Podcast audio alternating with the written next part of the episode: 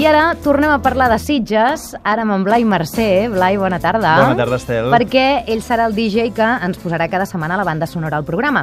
Avui hem dedicat monogràficament la meitat d'aquest Mhm. programa a parlar del festival i ara cançons del recorregut d'aquests 47 anys de festival.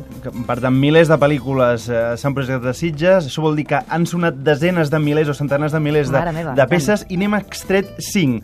La primera és de l'any 73, de l'edició de l'any 73, quan es va projectar Els vampiros lesbos, les vampires, de Jesús Franco, Jess Franco, que es va morir fa un any. Una pel·lícula eh, eròtico-terrorífica de culte, amb una banda sonora encara més de culte, que Quentin Tarantino, per la seva pel·lícula de Jackie Brown, en va extreure una cançó, no és aquesta que sentim, Mm. però aquesta altra, que és una mitja versió dels Stones, és la primera cançó d'aquest top 5.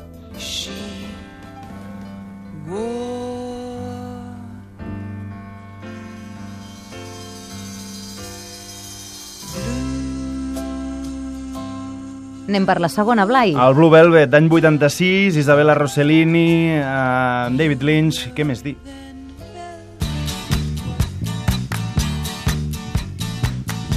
I ara tornem a Tarantino, eh? Sí, en 92, Quentin Tarantino, amb aquells Reservoir Dogs, aquella tortura en què va guanyar molts premis. Say.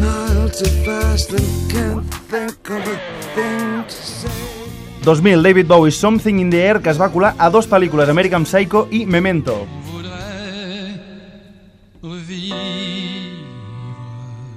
I acabem el 2012 amb aquest Reviver que va sonar al Holy Motors de Leo Carax, que va guanyar el Gran Premi del Festival de Sitges. Blai, gràcies per aquesta rapidesa. Fins la setmana que ve. Que vagi bé.